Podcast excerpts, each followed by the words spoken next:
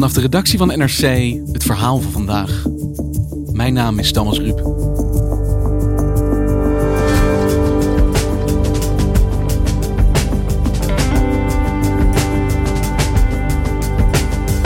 Kaas, tulpen, windmolens en kinderporno. Nederland zit in de top van de internationale ranglijsten als het gaat om kinderporno-hosting. Kan dat? Carola Houtenkamer en Rick Wassens doken in de schimmige wereld van datacentra die opereren aan de randen van de wet. Dit is deel 2 van een tweeluik.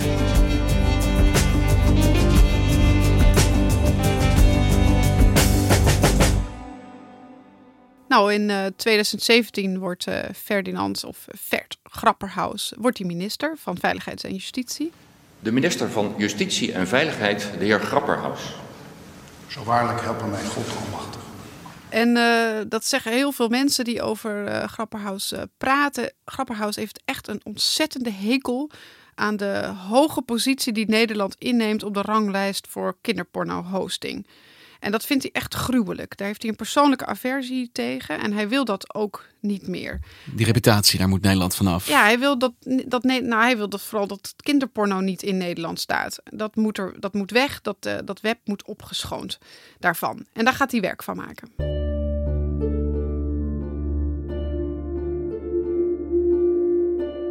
Dus in het begin van 2018, dus uh, vrij aan het begin van zijn uh, periode, roept hij ook een hele grote groep mensen bijeen op het ministerie. En daar zit de landelijke officier kinderporno zit daarbij, uh, de afgevaardigde van de internetsector, het team kindermisbruiken van de politie uit Zoetermeer, het, het, het meldpunt kinderporno van het EOKM. Um, en ook een hoogleraar cybersecurity van de TU Delft, die zich met dit onderwerp bemoeit. Nou, het is een enorme groep, die zet hij bij elkaar op het ministerie. Met een duidelijk doel, dit team of, of deze denktank moet gaan, een oplossing gaan vinden op dit probleem. Ja, ja, en als je dan in zo'n overleg zit over dit onderwerp, dan uh, duurt het natuurlijk niet heel lang of, uh, of de, de, slechte partijen die hiermee te maken hebben, die, die worden genoemd. Nou, dan weet iedereen waar het over gaat. En een van die partijen is uh, Ecatel in een van zijn hoedanigheden. Het bedrijf van Bab en Reinier in Wormer. Het bedrijf van Bab en Reinier in Wormer of in Groot-Brittannië of in de Seychelles of in Amsterdam, maar in ieder geval van hen. Dus zelfs op het allerhoogste niveau wordt er gesproken over Ecatel. En als er dan aan zo'n tafel gezegd wordt: hier moeten we iets aan doen, welke mogelijkheden zijn er dan om dit te bestrijden? Nou, de eerste weg, die eigenlijk al best wel lang bestaat, is de vrijwillige weg. Die is al afgesproken met de hostingbranche. En die luidt dat uh, als jij een melding krijgt als hostingpartij dat een van je klanten illegaal materiaal of kinderporno uh, op die service heeft staan, dan moet je dat weghalen. Mijn collega Rick en ik hebben gesproken met uh, Arda Gerkens. Zij is directeur van het expertisecentrum online kindermisbruik. Dat heeft een meldpunt. En dat meldpunt uh, zorgt voor het doorsluizen van meldingen van kinderporno of kinderpornografisch materiaal naar de hostingbedrijven. En als je dus kinderporno tegenkomt of dubieus materiaal, dan kun je dat ook bij dat meldpunt neerleggen kan één plaatje zijn, maar het kan ook uh, honderdduizend plaatjes zijn. Het kan een hele website zijn of zo. Dus, uh, maar misschien uh, is het goed om te zeggen dat we vorig jaar 300, ruim 300.000 illegale afbeeldingen hebben gezien. Zij hebben analisten in dienst die, die, die worden ondersteund, ook door psychologen, want dat is echt absoluut geen lolletje, dat werk. Uh, zij bekijken dat materiaal en als zij denken van dit, is, uh, dit kan echt niet, dan gaat er dus ook een bericht naar het hostingbedrijf en de klant wat valt er bij ons nou illegaal? Zijn aanwijzing kinderporno heet dat. De wet zegt sowieso de kennelijke leeftijd van 18 nog niet bereikt. Dus dat betekent dat als degene op de foto uh, minderjarig zou kunnen zijn, dat het al illegaal is. Want je, moet, je hoeft niet te bewijzen dat het iemand uh, onder de 18 is. Het is andersom eigenlijk. Hè? En dan gaat het om het seksualiseren van het kind. En dat kan heel veel zijn. Dat kan zijn omdat er ingezoomd is op genitaliën. Dat kan zijn omdat er een seksueel voorwerp bij geplaatst wordt. Uh, een kind uh, met jaratels aan is ook niet appropriate, om even zo te zeggen. En het, is ook, het hangt ook af van de omgeving waar we het uh, kind vinden. Dus een foto van een kind op een pornosite heeft een andere context dan een foto van een kind op Facebook.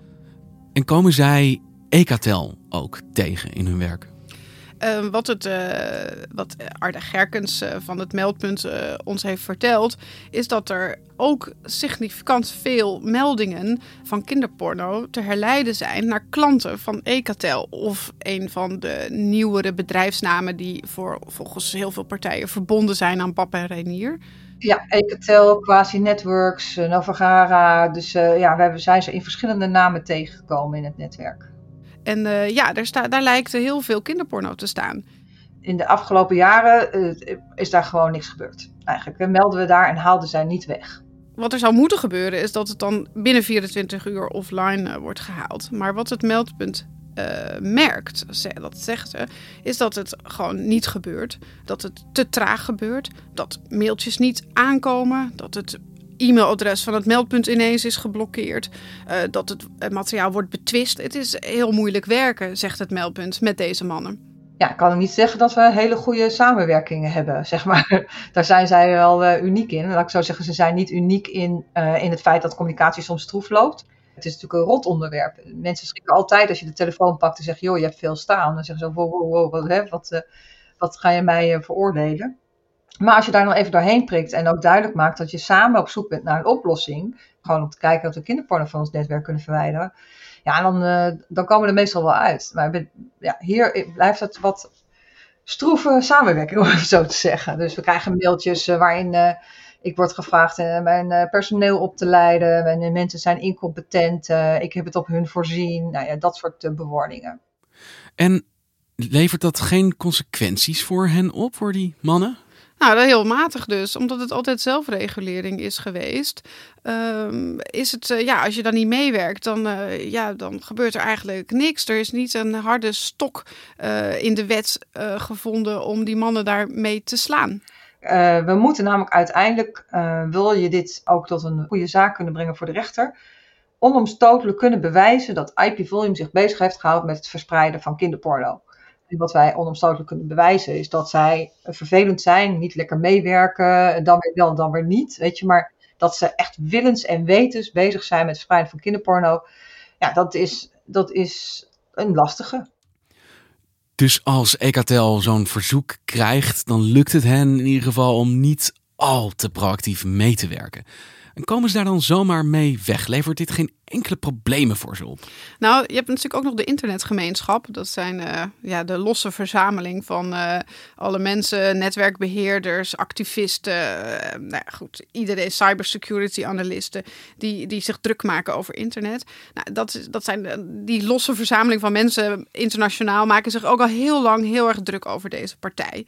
En in 2012 heeft Anonymous, dat is die activistische groep, heeft ook een keer een, een, een aanval op Ecatel uh, uitgevoerd. Omdat ze het echt te gortig vonden met de kinderporno die daar zou staan. Ecatel Ltd has been refusing to remove child pornography content from their servers. Every day more and more sites are being added and Anonymous will no longer tolerate it. Zij vinden het een rotte appel in de kist. Een van die mensen uit de internetgemeenschap, die, is dus, uh, die heet uh, Ron Guimet. I'm a computer geek kind of guy, I guess you could say. I've got two degrees, both in computer science. Een Amerikaan die werkte al aan het internet voordat het maar het internet heette. Was ARPANET. En dat is echt een. Die houdt van het internet. Hij houdt van e-mail en zeg maar communicatie die niet gebonden is aan grote multinationals. Uh, informatie die vrij over de wereld kan stromen zonder overheidsbemoeienis. Dat, dat vindt hij prachtig. En de vrijwillige decentrale structuur van het internet, daar is hij echt gek op. It's just a fantastic tool and obviously it allows people in various parts of the world to e more easily and more cheaply communicate with one another. Just as you and I are now doing. I mean, I'm out in California and you're in, uh, I guess, the greater Amsterdam area. So that's a fantastic thing, I think. En uh, hij, hij baalt van partijen zoals uh, Ecatel. Hij ziet dat die verpesten die prachtige structuur van het internet. Dus hij is heel boos op dit soort types. En hij is ook al heel lang tegen ze aan het strijden. These bad actors and the bad actions that they take um, if they're allowed to grow and fester and go without any response whatsoever on the part of people who want to keep the internet useful for the sake of humanity, if, if they're allowed to just do these things, um, these these antisocial things with impunity, then over time there's just going to be more and more of them, and and eventually the internet will become unusable for ordinary purposes. Want hoe is hij, Bab en Reinier op het spoor gekomen? Ja, dat had twee routes en die kwamen op een gegeven moment samen. De eerste route was dat hij een keer merkte dat zijn eigen computer, zijn eigen netwerk werd gescand op zwakheden. En dan komt er eh, iets langs, een stuk software, en dat kijkt of het binnen kan glippen. Natuurlijk niet met vriendelijke bedoelingen. Nou, daar was hij heel zagrijnig over. Hij dacht, waar komt die aanval vandaan? Um, so I, I traced back the origin IP addresses and that had done this port scan on my server to uh, this company IP Volume. And I just did a little bit more research on this IP Volume company, and I found out that historically it had had other names. Nou, die aanval kwam uit Wormer. Dacht hij, hé, hey, dit bedrijf, daar had hij nog een herinnering aan. I had been aware of the name Ecatel even some years ago, and not in any good way. Hij had een paar jaar eerder had hij een keer een, uh, een, een, een soort speurtocht ondernomen. En dat, dat ging over een enorm blok IP-adressen. Nou, dat zijn de unieke adressen waar je op je iemand op internet kan vinden, de postcodes zeg maar. En uh, die raken op in het oude systeem, die zijn geld waard. En uh, je hebt een Afrikaanse autoriteit, die, die deelde die uit voor Afrikaanse bedrijven en instanties. En die waren heel veel IP-adressen kwijt. En uh, een deel van die IP-adressen die leek te zijn gejat door, door gekke partijen. Dus dat, dat gejatte blok waar hij naar keek, dat had een straatwaarde van een paar miljoen uh, dollar. En um, dat vond hij gek. Hij zei van ja, dat behoort toch toe aan het Afrikaanse continent. En hoe kan dat nou zijn dat die dan weer door allemaal partijen worden gebruikt en gejat? En uh, wat hij zag, dat hij dus door uh, het netwerk van Bob en Renier werden beheerd. Of die deden daar in ieder geval iets mee. And I found that, lo and behold, it was routing a block of about one quarter of a million IP addresses that I have reason to believe, based on my research, uh, was effectively stolen from not just an organization in Africa, but more specifically from the South African national government and its uh, in-house IT arm. En wat onderneemt hij dan als hij het gevoel krijgt van oké, okay, bij die partij zit iets helemaal mis? Nou, hij heeft gepubliceerd over het uh, vermeende diefstal van die IP-adressen. Hij had gehoopt dat het heel veel gevolg zou hebben. Nou, dat viel heel erg tegen. Behalve dat die Afrikaanse autoriteiten onderzoek is begonnen. En uh, hij, hij, publiceert erover op allerlei weblogs in de hoop dat, uh, nou ja, dat misschien de partijen die de data doorgeven van deze mannen daarmee stoppen. Zodat ze een beetje een eilandje worden op internet. Maar dat had allemaal nog niet zo heel veel gevolg. Behalve dat op een gegeven moment hij wel contact gezocht met Europol hierover. En die hadden er wel oren naar. En dat was nog niet zo lang geleden. Zat hij dus opeens in een Skype-call met Europol en de Nederlandse politie en uh, de Field, um, opsporingsdienst Field. Had hij wel een gesprek over die vermeende diefstal van die IP-adressen. Dus hij dacht, nou ja, er gaat er eindelijk wat gebeuren. Uh, maar dat, nou, er gebeurde toch weer niks. Ja, de vraag is dus eigenlijk wie kan hier nou effectief iets tegen doen? Want je hebt het meldpunt dat gebonden is door vrijwilligheid. Zij kunnen niemand dwingen actie te ondernemen. Je hebt de internetgemeenschap die dit wel aankaart, maar eigenlijk niet voor verandering weet te zorgen. Maar tegelijkertijd zei je, Grapperhaus had een missie. Die wilde dit aanpakken. En ik begreep van Rick in de eerste aflevering dat er politiebusjes over het terrein voor dit datacentrum reden. Wat wordt er ondernomen vanuit justitie? Wat er uiteindelijk gebeurt, en dat is wat wij, wat bronnen tegen ons zeggen, is dat er dan besloten is uh, toch om een beetje de El Capone aanpak te doen. Nou, El Capone, ja, die was natuurlijk een enorme Amerikaanse gangster met allerlei kwaads op zijn kerfstok. Maar die was heel moeilijk te pakken voor zijn misdaden. En waar ze hem uiteindelijk op hebben gepakt was voor belastingontwijking. Nou, dat was echt de least of his sins. Maar daar is hij opgepakt, want dat was bewijsbaar. Nou, dus wat verschillende mensen tegen ons zeggen is dat over deze partij van Bab en Renier en, en hun wolk aan BV'tjes en volgens autoriteiten aan hen gelieerde BV'tjes, dat daarvan is gezegd van nou, dan sturen we maar de FIOD erop af, de fiscale opsporingsdienst. Want ze laten zich ook uitbetalen in bitcoin, kan nooit kloppen, geven ze die belastinginkomsten wel op. En dan, nou, dan, dan trekken ze daarheen met 20 busjes en dan, dan trekken ze de hele administratie leeg. Ze vallen binnen? Ze vallen binnen in september 2020. En wat levert dat op, die inval? Nou, ze hebben 70.000 euro aan eh, cash opgehaald. Uh, Bitcoin-wallets in beslag genomen. Tonnen, zeggen ze. Uh, administratie opgehaald. Vijf auto's en twee tasers. Maar het lukt justitie dus ook echt om een zaak te bouwen op basis van wat ze daar aantreffen? Ja, die, die zaak loopt nog.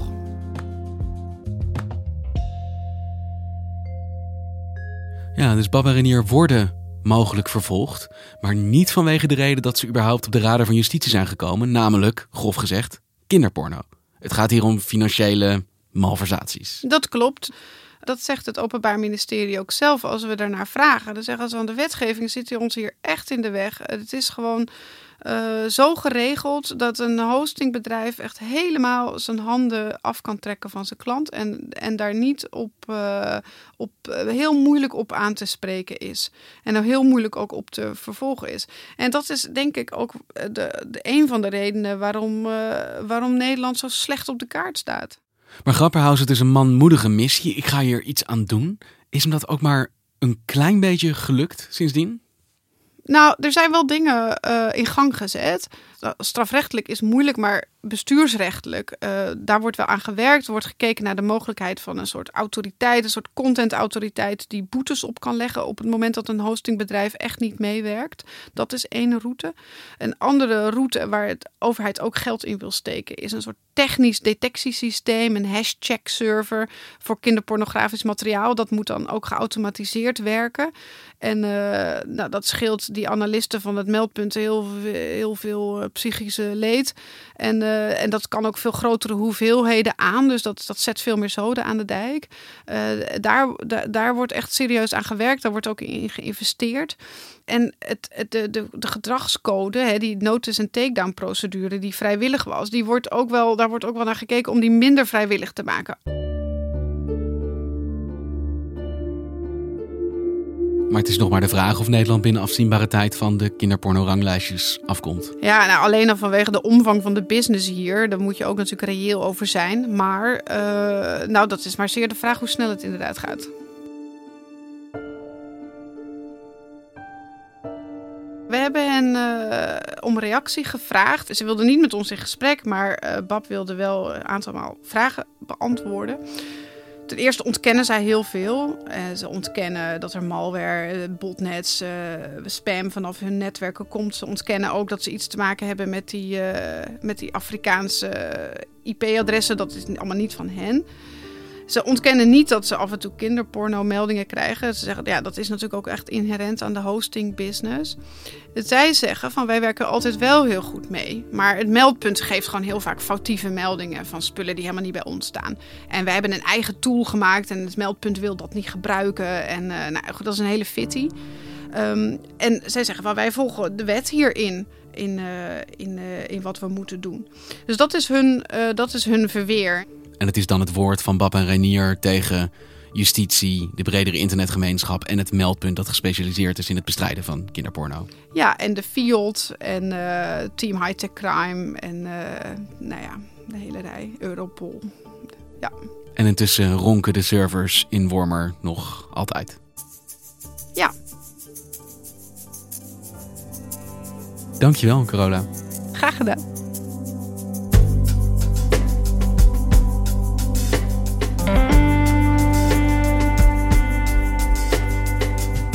Je luisterde naar vandaag, podcast van NRC. Eén verhaal, elke dag. Dit tweeluik is gemaakt door Misha Melita, Henk Ruigrok van der Werven, Ido Haviga, Jennifer Patterson en JP Geersing. De muziek die je hoort is van Rufus van Baardwijk. Dit was vandaag. Morgen weer.